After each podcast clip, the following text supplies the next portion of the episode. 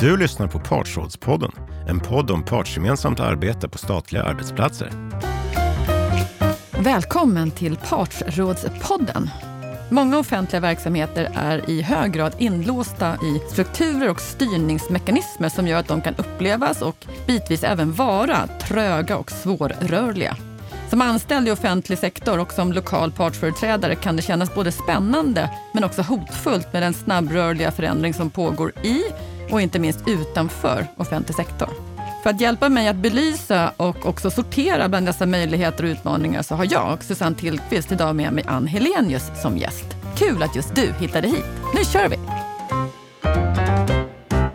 Ann Helenius har under sin karriär haft flera roller som CIO, eller Chief Information Officer.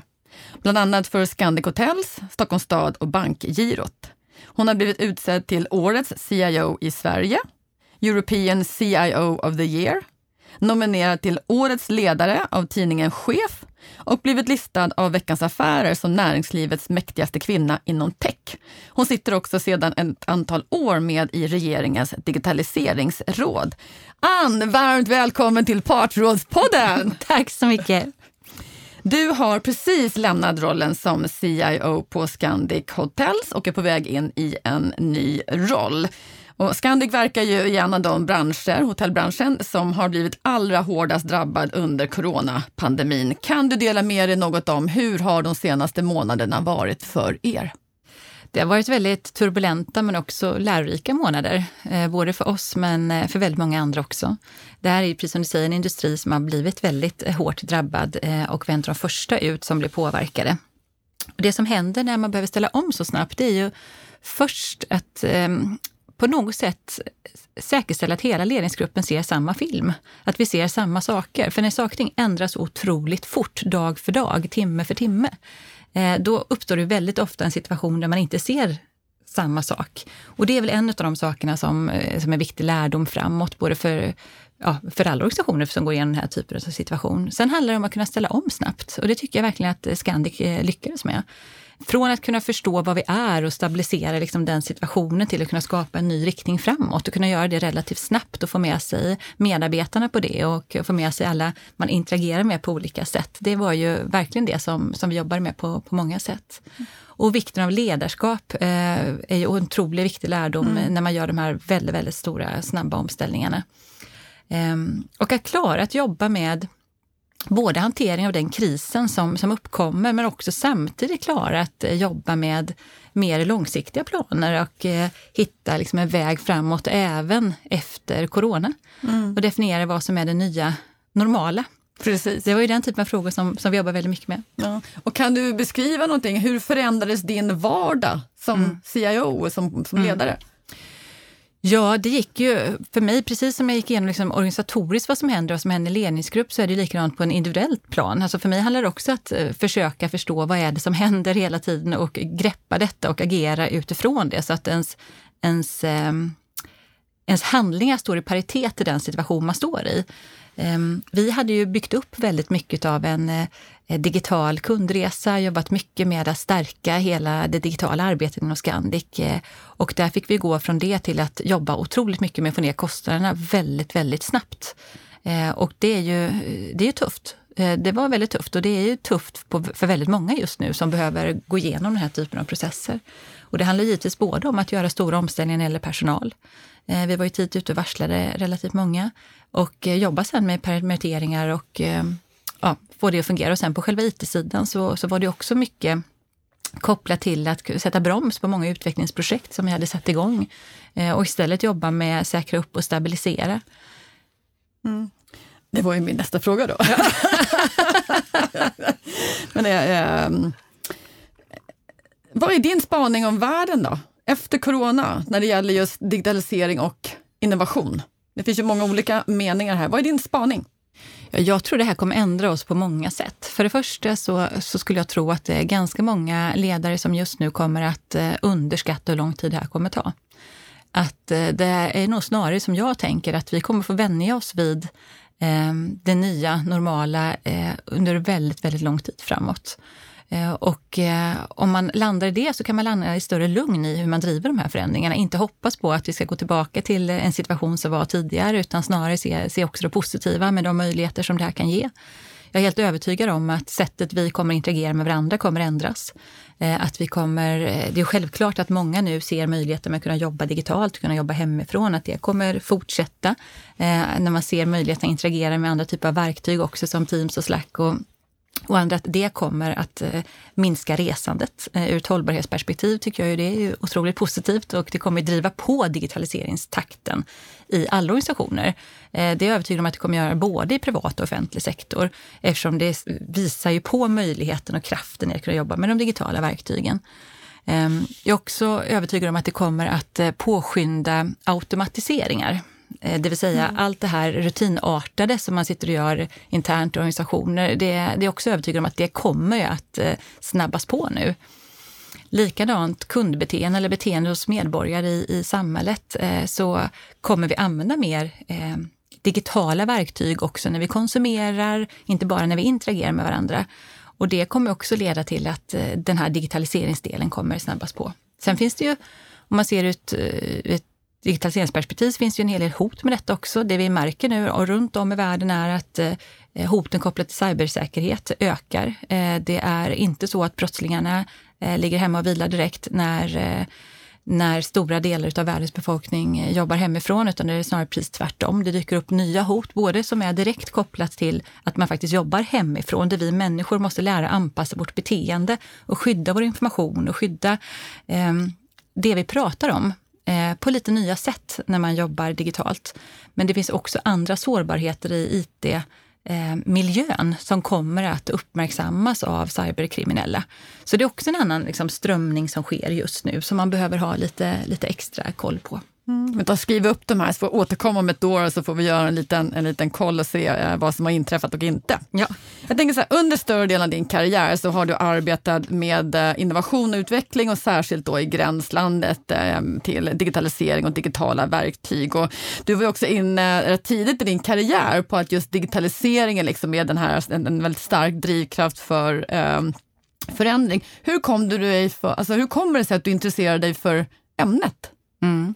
Jag kommer inte från teknikhållet alls. Ehm, så att mitt intresse det var både ur ett samhällsperspektiv och också ur ett individuellt perspektiv.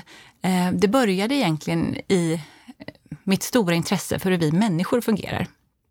Och det jag kunde se hur eh, teknik på olika slag sätt kunde verkligen hjälpa oss människor. Eh, jag jobbade väldigt tidigt på gruppboende när jag pluggade och såg hur de som verkligen behövde det mest fick otroligt stöd av Eh, olika typer av tekniska hjälpmedel. Så jag såg det väldigt mycket från individperspektiv. Och sen när jag blev äldre och jag eh, lärde mig mer och förstod världen mer så, så inser jag någonstans att eh, de hållbarhetsutmaningar vi har i världen, det enda som kommer kunna verkligen hjälpa oss när det gäller dem, så är det teknik av olika slag. Och, och, det är ju inte på något sätt bara jag som har den spaningen, utan det är ju, när man nu tittar liksom på de olika hållbarhetsmålen som finns så, så är det uppenbart att det är just eh, teknik. Nu pratas mycket om AI, men att det är mycket av olika former av digitalisering eller ny teknik som kommer vara det som, som hjälper oss. Och det är det vi ser som, som jag tycker är så otroligt hoppfullt. Och det är det som jag har som väldigt stark drivkraft, både under det här individperspektivet, att se hur det kan stötta individen och hur hela samhället verkligen kan utvecklas eh, med detta. Och jag, jag, ser också, när det gäller, om jag håller mig kvar på individperspektivet, så är det ju för oss alla. Om vi tänker på vilket sätt som eh, vi verkligen får hjälp av tekniken i vår vardag så ökar det för varje dag som går. Och med tanke på det vi står i just nu med corona, om du pratar tidigare om spaningar, så är en annan spaning som är helt uppenbar, det är att vi kommer vilja ha mer kontroll på vår egen hälsa och med hjälp av olika typer av tekniska hjälpmedel. Eh, redan nu är det otroligt eh, populärt med olika typer av eh, eh appar och olika typer av eh, ja, enheter man kan ha på kroppen för att mäta sin, sin puls och eh, hur många steg man har gått och, och hur mycket man har sovit och så vidare. Men, men det här kommer ju bara explosionsartat öka. Eh, att kunna ha förmågan att se hur man själv mår på olika sätt med hjälp av tekniska hjälpmedel. Så jag skulle säga det är hållbarhet och sen vilken faktisk glädje det kan ge till oss individer. Mm. Du pratar ju ofta om Sveriges jämförbarhet med andra länder mm. när det gäller då till exempel ranking i olika eh, frågor kopplat till till exempel då digitalisering. Varför är det så viktigt? Mm. Jag sitter ju med i regeringens digitaliseringsråd. Jag gjorde det även under tidigare mandatperioder. Jag sitter också i den nuvarande. Och där följer ju kansliet som jobbar för digitaliserings eh, Eh, jobbar med Digitaliseringsrådet eh, tar ju fram statistik på detta. Det är någonting vi sitter och diskuterar och analyserar löpande. Eh, och det är ju viktigt att förstå både var man själv befinner sig för att kunna utvecklas vidare, men också de rörelser som sker runt om i världen. För det är många länder som rör sig snabbt inom, inom, inom många områden och vissa områden är vi snabbt framme på, andra är vi inte. Och det handlar ju om att vara medveten. Både att kunna lära sig och bli inspirerad av vad andra gör, men också vara medveten om att vi behöver faktiskt snabba på takten. Och vi behöver göra det i Sverige kopplat till ett antal olika områden. Det är därför jag pratar om det här, för att också att vi ska öppna våra ögon och se både givetvis vad vi har som styrkor, men också de områden där vi halkar efter, som är, är väldigt viktiga att vi jobbar med. Tittar man hur Sverige ligger till så det finns ju många index, men ett index som vi följer i regeringens digitaliseringsråd är Global Innovation Index och där ligger vi på plats nummer två. Det har vi gjort under ett antal år. Men bryter man sen ner det här, för det är mer en allmän, generellt index, men bryter man sen ner detta och tittar på specifika delar, eh, exempelvis öppen data, så finns det ett annat index som mäter, mäter just, det kallas för Open Data Maturity. Och där ligger vi inte på plats nummer två, där ligger vi på plats 24. Det finns många länder som är betydligt före oss när det gäller att förmågan att eh, då kunna använda öppen data för innovation. Och det här är ett, liksom ett område jag vurmar för som jag ser är otroligt viktigt för Sveriges eh, innovationskraft. Mm. Och är det lika viktigt att till exempel eh, statliga myndigheter kan jämföra sig med varandra eller statlig sektor, eh, regioner kontra kommuner? Eller hur ser du på Absolut. den typen av jämförelser? Definitivt. Och det handlar ju om att man ska kunna jobba med öppen data, både från kommuner, från myndigheter, från landsting och kunna ha ett sätt där man faktiskt kan använda den här datan så den privata sektorn också kan innovera på den här datorn. Så det handlar ju om att både för offentliga aktörer kunna använda datan sinsemellan, öppen data, men också i samarbete med den privata sektorn. Och det här hänger ihop. Och det är detta som vi behöver förbättras avsevärt i, i Sverige. Finns det några andra utmaningar för Sverige så att vi inte ska halka efter mer? Och när vi jämför med andra länder och tittar på detta så har vi utmaningar när det gäller brist på IT-kompetens. Eh, detta är ett globalt utmaning, men vi har det definitivt i Sverige och framförallt inom vissa områden som just nu är väldigt efterfrågade. Vi har också mm, utmaningar med tillgång till forskardata och att, eh, att det ska kunna bli, eh, bli bättre, att vi ska kunna använda det på, på flera sätt och kunna dra nytta av den fantastiska också akademiska verksamhet som finns så att detta ska kunna, att man ska kunna dra nytta av den här forskardatan som finns. Vi måste få upp offentliga aktörers innovationskraft det är en del i, det handlar inte bara om den öppna datan, det handlar om att också kunna innovera och jobba med just med innovationsfrågorna. Och det är därför jag tycker som exempelvis den här podden är så värdefull att få, få vara med i. För här pratar ni också om hur man gemensamt med olika parterna ska kunna också stärka eh, mm. och, och jobba med innovationsdelarna. Och sen handlar det om att lagar och regler inte ska miss, eh, alltså, missgynna innovationer i samhället. Och där finns det också ett jobb att göra för att ta sig framåt i, i Sverige. Om vi, går, om vi eh, tar ett steg tillbaka och, och eh, tittar lite närmare på det där med att öka en verksamhets innovationskraft. Mm. Vad har du för tips och tricks att eh, skicka med där? Hur ökar man en verksamhets innovationskraft? Mm. Jo, men det handlar om att eh, för det första skapa grupper som består av både mångfald och inkludering så att man just kan få fram innovativa eh, idéer och kunna jobba med dem. Man får inte fram det i grupper som inte består av liksom, mångfald och inkludering. Det är otroligt viktigt att jobba med det. Det handlar om att skapa kultur utav eh, önskan att vilja lära sig nytt. Eh, jag brukar vilja tänka att man ska skapa kulturer där alla ska känna att jag vill verkligen bli bäst på att lära mig nytt och dela med mig. För det är så man ökar den kollektiva liksom, intelligensen i hela organisationen som skapar och gör möjligheter just till innovation. Och så behöver man hitta sätt där man jobbar i flera takter. Där man både jobbar med det som man har, alltså de här lite längre processerna som, som man jobbar med, men samtidigt hittar sätt där man testar och, och provar sig fram. Och jag vet att det är väldigt populärt att prata om att man ska få tillåtas att misslyckas. Eh, jag tror ju inte så mycket på det, att man ska prata så mycket om just det. det var spännande att höra. jo, för det handlar ju om att vi människor vi drivs i grund och botten mer av rädslan att misslyckas än, än önskan att lyckas. Så om man hela tiden pratar om misslyckande, även i den goda kontexten att det ska vara tillåtet att misslyckas, så är det risk att man sätter för mycket fokus på just det. Jag älskar istället att prata om att eh, vilja lära mig nytt och vilja få grupper att lära sig nytt, organisationer att lära sig nytt. Och man måste också vara otroligt ödmjuk när man jobbar med innovation kopplat till digitalisering. För det som kan ses som eh, ett totalt misslyckande en dag kan ses som något genialt om några år framåt.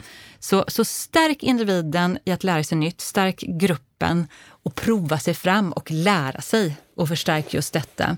Och se till att eh man hittar sätt där man då jobbar i flera takter för, för att uppnå det här. Mm. Jag tänker så här, du har ju i din tidigare roll på Stockholms stad så eh, drev ju du stora förändringar med ett starkt digitalt innehåll och jag kan bara så här, hypotetiskt tänka mig att där fanns det nog ett antal medarbetare som kände oro inför förändringarna, mm. eh, kanske kände den här rädslan för att misslyckas. Går det att säga någonting mer konkret om hur ni jobbade? Eh, med att få till en kultur och att få, få till en ökad innovationskraft där? Mm.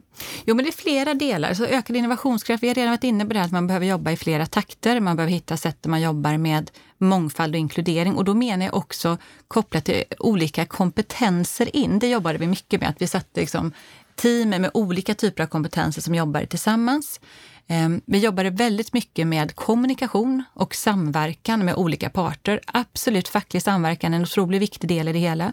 Ehm, också samverkan med näringslivet på olika sätt. Samverkan inom staden med förvaltningen och bolagen och, och samverkan mellan IT och verksamhet. Och man kommer liksom inte undan det. Man behöver göra alla de här delarna.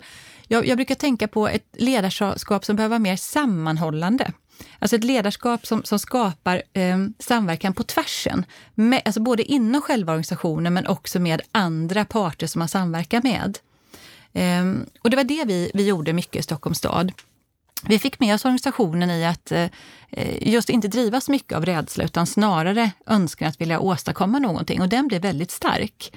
Eh, därav fick vi upp mycket innovativa idéer direkt från medarbetarna. Eh, och det, var, det är de som vet det bäst. Så det, det var väldigt, väldigt härligt att kunna jobba med detta. Om man kopplar på det du sa, att ta förhållningssättet att man vill lära sig mer, att, liksom, att lära sig att lyckas, så um, har jag också hört dig säga att det gäller att ha koll på begreppen. Och när man då tänker så här, innovation, utveckling, digitalisering, då, så finns det många buzzwords ja. uh, som cirkulerar. Och varför är det så viktigt att hålla koll på begreppen? Jo, men jag menar inte att man ska bli någon form av expert på alla dessa förkortningar och att det är det som är det viktiga, utan det viktiga är ju att hänga med i sin samtid och förstå vilka möjligheter olika typer av tekniska lösningar kan ge. Också för att inte hoppa på hyper, det som faktiskt inte ger någon nytta och värde för dem man är till för. Eh, men däremot förstå det som ger ger möjligheter. Och då behöver man också ha ett visst intresse för att, att förstå detta och hänga med i sin samtid. Kunna kommunicera med andra och inte bli bortpratad när, när det finns de som mm. slänger sig med de här begreppen lite lättvindigt. Eh, det är en del i hur jag tänker kring detta med att alltid lära sig nytt. Eh, hänger man med sin samtid nu så, så är det bra att också engagera sig och titta på och försöka förstå vad som skapar värde. Exempelvis, och man behöver inte vara intresserad av teknik, se på mig som hela mitt liv jobbat med digitalisering och, och driva förändring med hjälp av teknik. Jag kommer ju inte från teknikhållet och jag hoppas att det kan inspirera andra som också lyssnar. Att om man är nyfiken på hur vi människor ska kunna klara vår tillvaro på den här planeten, ja. både som individer men också i en större samhällskontext med de hållbarhetsutmaningar som finns, så är det teknik som kommer vara en av lösningarna. Och därför finns det ett enormt stort, eh, tycker jag, intresse som vi alla borde ha för att eh, lära oss lite mer. Man mm. behöver inte vara expert, men man behöver ha en nyfikenhet så man kan ställa frågor till de som vet ännu mer. Mm. Och där tänker jag också att fackliga representanter, precis som arbetsgivarrepresentanter, har en roll att eh, kunna föra fram de budskapen till sina medlemmar eller till sina medarbetare. En otroligt viktig roll och min spaning där är att den rollen kommer bara bli viktigare och viktigare. Därför vi kommer komma in i så mycket frågor när vi får in mer teknik i vår organisation, när vi börjar använda AI, artificiell intelligens, mer. Då kommer vi hamna i frågor, inte bara kring säkerhet, men också mycket integritetsfrågor. Frågor som berör liksom det väldigt mänskliga och som handlar väldigt mycket om hur vill vi ha det? Vad, vad, är bra för den här organisationen? Vad är inte bra? Och här är den fackliga samverkan otroligt viktig så att man kan driva utvecklingen på, på ett bra sätt framåt. Mm. En annan sak som jag har hört dig säga det är att offentlig sektors förmåga att hänga med i digitaliseringen är otroligt viktig ur ett demokratiperspektiv. Hur hänger det ihop? Jo, men jag tänker att det handlar återigen att vara relevant i, sin, i den tiden som man lever och verkar i. Och eh, olika typer av offentliga organisationer och eh, aktörer har ju genom eh, väldigt många år i Sverige och genom historien haft och har fortfarande väldigt högt förtroende. Och ska man fortsätta ha det så är det ju väldigt viktigt att man möter de förväntningar som finns från medborgarna, från invånarna. Och de här förväntningarna hos medborgare och invånare, de kommer att förändras. Och de förändras hela tiden. Och det uppväxande släktet vi har nu, mina barn hemma nu som är, ja de är nio nu och jag ska fylla eh, 14 och 12, de har ju helt andra förväntningar än vad jag har. Eh, och det här kommer ju fortsätta att ändras. Så vi kan ju bara föreställa oss hur, när de här växer upp, hur de tänker sig att de ska interagera med olika typer av offentliga organisationer framåt. Både som potentiella nya eh, anställda i de här organisationerna och också givetvis som medborgare och eh, invånare. Och här behöver man ju se till, för att fortsätta vara relevant, att kunna jobba med digitaliseringsfrågorna. Det är en aspekt. Den andra aspekten har ju helt, har ju helt enkelt att göra med det finansiella. Att eh, det gäller att kunna använda varje skattekrona, varje mm. skattemedel på, på ett förnuftigt sätt. Och det här är ju någonting som eh, Jobbar man inte med digitalisering för att skapa effektivitet så kommer ju det bli ifrågasatt. Mm. Därför är det också otroligt viktigt ur ett demokratiperspektiv. Och när det gäller just digitalisering internt så är det någonting som så många missar och börjar jobba med lite sent. Och det här ser jag både i det privata näringslivet och också i det offentliga. Att um, det finns många organisationer som har kommit hyfsat långt när det gäller just de här gränssnittet mot brukaren eller gränssnittet mot eh, invånare eller gränssnittet mot medborgaren eller i den privata sektorn då gränssnittet mot kund. Men när det gäller de interna processerna så finns det ju, jag har inte varit inne i en enda organisation där det inte finns otroligt mycket att göra. Mm. Så det finns väldigt mycket att göra. Och ni som lyssnar, om ni bara tänker, om tänker en dag i de 40 timmar som ni har jobbat, eller mer eller mindre. Hur många av de timmarna har varit värdeadderande och finns det någon av de här timmarna under den här senaste arbetsveckan som just du har haft där du skulle kunna haft hjälp utav istället en teknisk lösning, det vill säga någonting manuellt man har suttit och gjort som har känt tagit tid men kanske inte adderat så mycket värde och då man inte faktiskt använt just din fulla potential och ditt hjärta, hjärna och liksom själ i att kunna leverera på, på just det som rollen är till för. Och där tror jag man rannsakar sig själv så kan vi alla se att jo, men här finns ju otroligt mycket liksom, möjligheter till förbättringar. Och det är där den interna digitaliseringen kommer in. Mm. Att förenkla de här administrativt eller manuella arbetsuppgifterna som vi sitter med. Mm. Och här, jag tycker det är väldigt hoppfullt att tänka kring därför att det är, tänk så mycket tråkigt jobb som vi kommer att slippa framöver. slippa hålla på med, ja, precis.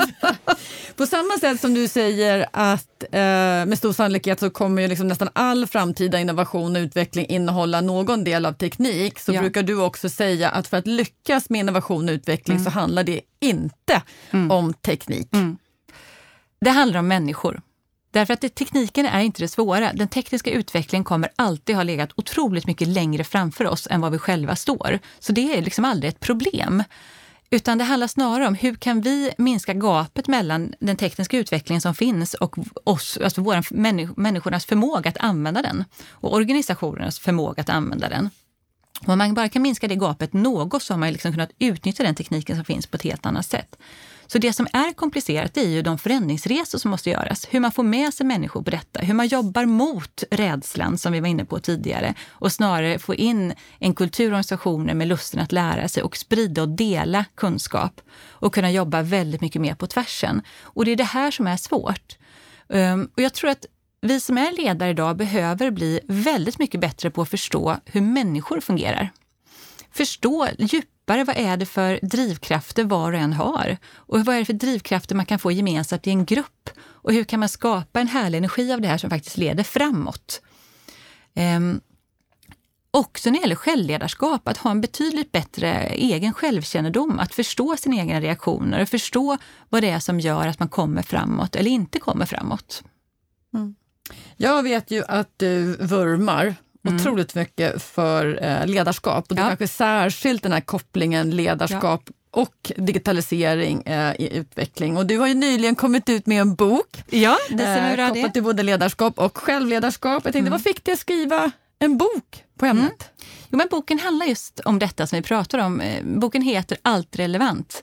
Eh, nycklarna till ett framgångsrikt ledarskap i en snabbrörlig värld. Och det är där någonstans vi alla befinner oss. Jag började intressera mig för att titta på vad är det för uråldriga ledarskapsprinciper som bara blir viktigare eh, när vi lever i så snabbrörligt digitalt samhälle. Vilka blir mindre viktiga och vilka nya kommer till? Eh, och varför är det eh, så att en del ledare helt enkelt blir obsoleta sitt sätt att leda och styra? Jag tror vi alla kan känna igen det. Vi som har varit i organisationer som känner att, men vänta nu, det här är ju snarare så att ledarskapet blir en bromskloss för utvecklingen i organisationen istället för det som faktiskt driver det framåt. Så jag hade den utgångspunkten och så tyckte jag att men jag har ju själv jobbat som ledare i så många olika typer av organisationer. Allt från konsultbolag, jag har varit entreprenör och jag har jobbat många år i offentlig sektor och eh, i olika roller. Och sen också i privata näringslivet, i, nu senast då i ett börsbolag. Eh, och jag började fundera på vad är gemensamma nämnarna egentligen för att man lyckas eller inte lyckas? Och då tänkte jag att ja, jag vill ju att all, att liksom, jag tror själv så djupt på detta att det handlar om att dela med sig för, och, och, ja, för att lära sig mer. Och då tänkte jag just boken kan vara ett sätt, ytterligare, liksom ytterligare en uttrycksform mm. där jag kan förhoppningsvis dela med mig och också skapa lite dialog och diskussion och det jag själv kan lära mig genom det. Mm. Den här podcasten vänder sig till lokala parter på statliga arbetsplatser, så både arbetsgivarrepresentanter och arbetstagarrepresentanter och sen så alla andra som är nyfikna och mm. uh, intresserade av att uh, lära sig. Jag tänkte, vad kan du ge för råd till dem när det gäller mm. självledarskap och ledarskap och då mm. främst till liksom, frågor kopplade till innovation och utveckling? Mm. Ja, men allt ledarskap eh, Oavsett om det är självledarskap eller om det är att man är ledare och har personal under sig, oavsett vilken typ av organisation det handlar om, eh, behöver ju utvecklas utifrån där vi står idag. Det handlar inte om att teknisk utveckling på något sätt är något nytt, utan det har ju alltid format och förändrat vårt samhälle. Men skillnaden är att det går så otroligt mycket snabbare nu. Och det finns ett antal förändringar i samhället som gör att vi behöver tänka kring just ledarskap och självledarskap på ett lite annorlunda sätt. Ehm, en del i det hela som jag ser som är grunden, det är ju att hitta ett sätt där man får ytterligare kunskap om sig själv. För att kunna vara autentisk i sitt ledarskap, för att kunna eh, vara det jag tänker som kongruent. Eh, då måste man ha betydligt större liksom, koll på sin egen, ja, sina egna drivkrafter och eh, eh, förmågor och reflektera kring detta.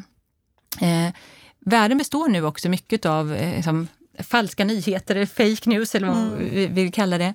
Um, och man ser en tydlig trend kring att vi människor vi söker oss till det som är autentiskt. Vi följer inte ledare som vi inte uppfattar som autentiska. Så det är på något sätt grunden i att kunna bygga tillit.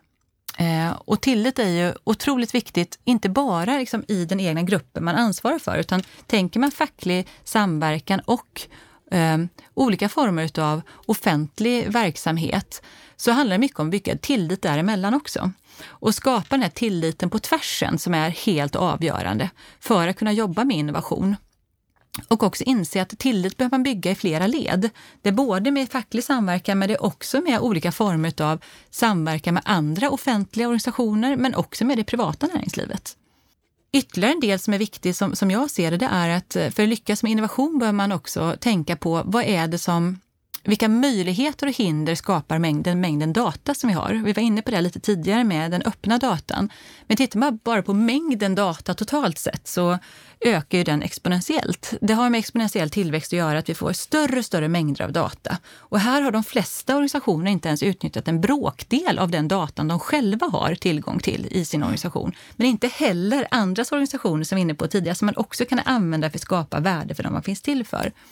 Det är den positiva delen och det jag vill se är stora steg framåt. Och jobba med, med innovation ska man definitivt titta lite närmare, eh, lär dig lite mer om detta med data, öppen data, på vilket sätt man kan jobba med det här och hur, vilket sätt man kan jobba med organisationen. Ta reda på vad ni har för data och på vilket sätt man kan jobba med detta. Men datan i sig och, och, och, den mängden uppkopplade enheter skapar också en mycket distraktion i vårt samhälle. Om vi går tillbaka till individperspektivet här så behöver man både när man leder sig själv och när man är ledare för andra personer tänka kring det faktum att Eh, merparten av oss eh, tittar på vår mobiltelefon flera hundra gånger per dag. Och vi rör vid den eh, alltså, mer än tusen gånger per dag om vi är liksom en snittpersonen i Sverige. Eh, och någonstans är vi konstant distraherade, så man måste jobba med sin egen förmåga till att vara närvarande och driva de här förändringsprocesserna för att faktiskt lyckas med innovation, om det ska bli hållbart, om det inte bara ska bli tomtebloss. Och då bör man hitta sätt där man tar kontroll över sin egen situation och också sina medarbetares eh, situation kopplat till då den digitala närvaron. Eh, jag går exempelvis aldrig och lägger mig med telefonen nära mig, för jag vet att det distraherar och påverkar mig. Eh, jag har ju eh, jag har intresserat mig väldigt mycket kring forskning, kring eh, innovationsforskning, men också beteendedesign och tittar mycket på neuroledarskap. Och, och, när man intresserar sig lite mer för hur hjärnan fungerar och vad som skapar innovationsprocesser så blir jag mer och mer fundersam på alltså, människans förmåga liksom, och att välja bort och också klara att distansera sig från de digitala verktygen, vilket också är otroligt viktigt läste en forskning som visar att vi människor, vi är, vi är bara mentalt närvarande 50 procent av vår, eh, vår vakna tid. Eh, och 50 procent av tiden, den, den, då låter vi tankarna springa iväg åt ett annat håll. Eh, och det här kan ju fungera bra om det inte vore så att det, det skapar ju en, en distraktion från närvaron i de samtal man är inne i. Eh, och det ja, skapar givetvis definitivt minska produktivitet och möjlighet liksom att, att, skapa utveckling och innovation i organisationer oavsett om det är offentlig eller privat sektor. Men det skapar också en stress för oss människor. Eh, att klara att vara närvarande och inte konstant vara på väg någon annanstans i tanken eh, behöver man jobba med. Man behöver jobba med att bemästra det, både som individ, men man måste också prata med eh, sina medarbetare om den frågan för att klara innovationsprocesser lite, lite längre. Eh, ytterligare delar som jag tycker är viktigt är ju det är helt uppenbart, som man tittar, både min egen erfarenhet men också innovationsforskningen, är ju att man måste ta frågan kring mångfald och inkludering på ett betydligt större allvar än vad de flesta gör. Tänker man lite slarvigt kring detta så, så kanske man tycker att man, man klarar att jobba med de här frågorna. Men, men om man funderar lite djupare på, har vi på riktigt skapat en mångfald av idéer, idérikedom, olika erfarenheter? Om man har lyckats med det, då har man ju bara precis börjat. Det är ju jättebra, men man har bara precis börjat. Därför det är basen som jag ser det. Det, det är nästan att man har byggt liksom källan i huset. För sen måste man varje dag, varje sekund, varje minut jobba med inkluderingen. Så att varje individ som har alla de här härliga, fantastiska kompetenserna faktiskt upplever att de är en del i sammanhang där just deras kompetens kommer till rätta. Och det här är någonting som man konstant behöver jobba med som ledare och där man som individ också måste jobba väldigt aktivt med att vara i sådana sammanhang där man faktiskt kan bidra eh, och göra eh, liksom, göra hela gruppen uppmärksam på detta. Det här är inte bara en ledarens ansvar, det här är allas ansvar i att försöka skapa en inkluderande klimat. För då har man grogrund liksom till, till att skapa innovativa miljöer och där man kan också jobba med det här lärandet som vi pratar liksom, om mycket då.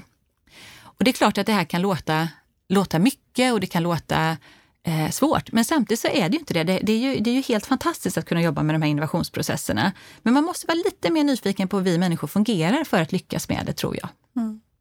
Det var väl ett jättebra sätt att avsluta den här podden på, tänker jag. Att man behöver vara nyfiken och sen gillade jag jättemycket det här med att vara närvarande. Mm. Och jag hoppas att eh, du vår lyssnare har eh, varit extra närvarande under den här podden och eh, har du inte det så varför inte lyssna en gång till? Tack så hemskt mycket Ann för att du gästade Partsrådspodden. Tack. Det var många klokheter som Ann delade med sig av i det här avsnittet. En sak som hon pratar om är behovet av att få upp innovationskraften i offentlig sektor och hur detta bland annat åstadkoms genom den enskilde individens önskan att lära sig nytt och sedan dela med sig av det. På så sätt ökas den kollektiva intelligensen om man dessutom delar med sig på tvärs och lägger till att arbeta i flera takter, ja, där är receptet för innovationskraft. Anns rekommendation är att vi inte ska prata om att misslyckas, utan istället prata om hur vi kan lyckas. Vi drivs både som individer men också som ett kollektiv mer av rädslan att misslyckas än önskan att lyckas. Anns tips är att istället prata om att lära sig nytt att grupper lär sig nytt och att organisationer lär sig nytt. Då skapas en grogrund för att lyckas. Ett viktigt budskap från Ann till våra lyssnare är Häng med i samtiden. Förstå vilka möjligheter tekniken kan ge. Lär dig begreppen, verktygen och metoderna. Inte på djupet, men förstå det tillräckligt bra. På så sätt kan du vara ett relevant bollplank och, som Ann sa, inte bli bortpratad av de som slänger sig med begreppen. Givet hennes spaning att rollen som lokal part kommer att bli viktigare och viktigare, inte minst i ljuset av AI, så behöver du som lokal part säkerställa att du är relevant i den tid och det sammanhang just du verkar i. Det handlar inte om teknik. Det handlar om människan. Det handlar om dig. Lär dig nytt. Dela med dig till andra. Tack för att du lyssnar. Du har lyssnat på Partsrådspodden. Partsrådspodden är en podcast från Partsrådet, en ideell organisation som består av arbetsgivare och fack på central nivå inom staten. Tillsammans erbjuder vi verktyg för ett bättre arbetsliv, bättre lönebildning, bättre arbetsmiljö, bättre samverkan och bättre utveckling på statliga arbetsplatser. Vill du veta mer? Besök vår hemsida, partsradet.se.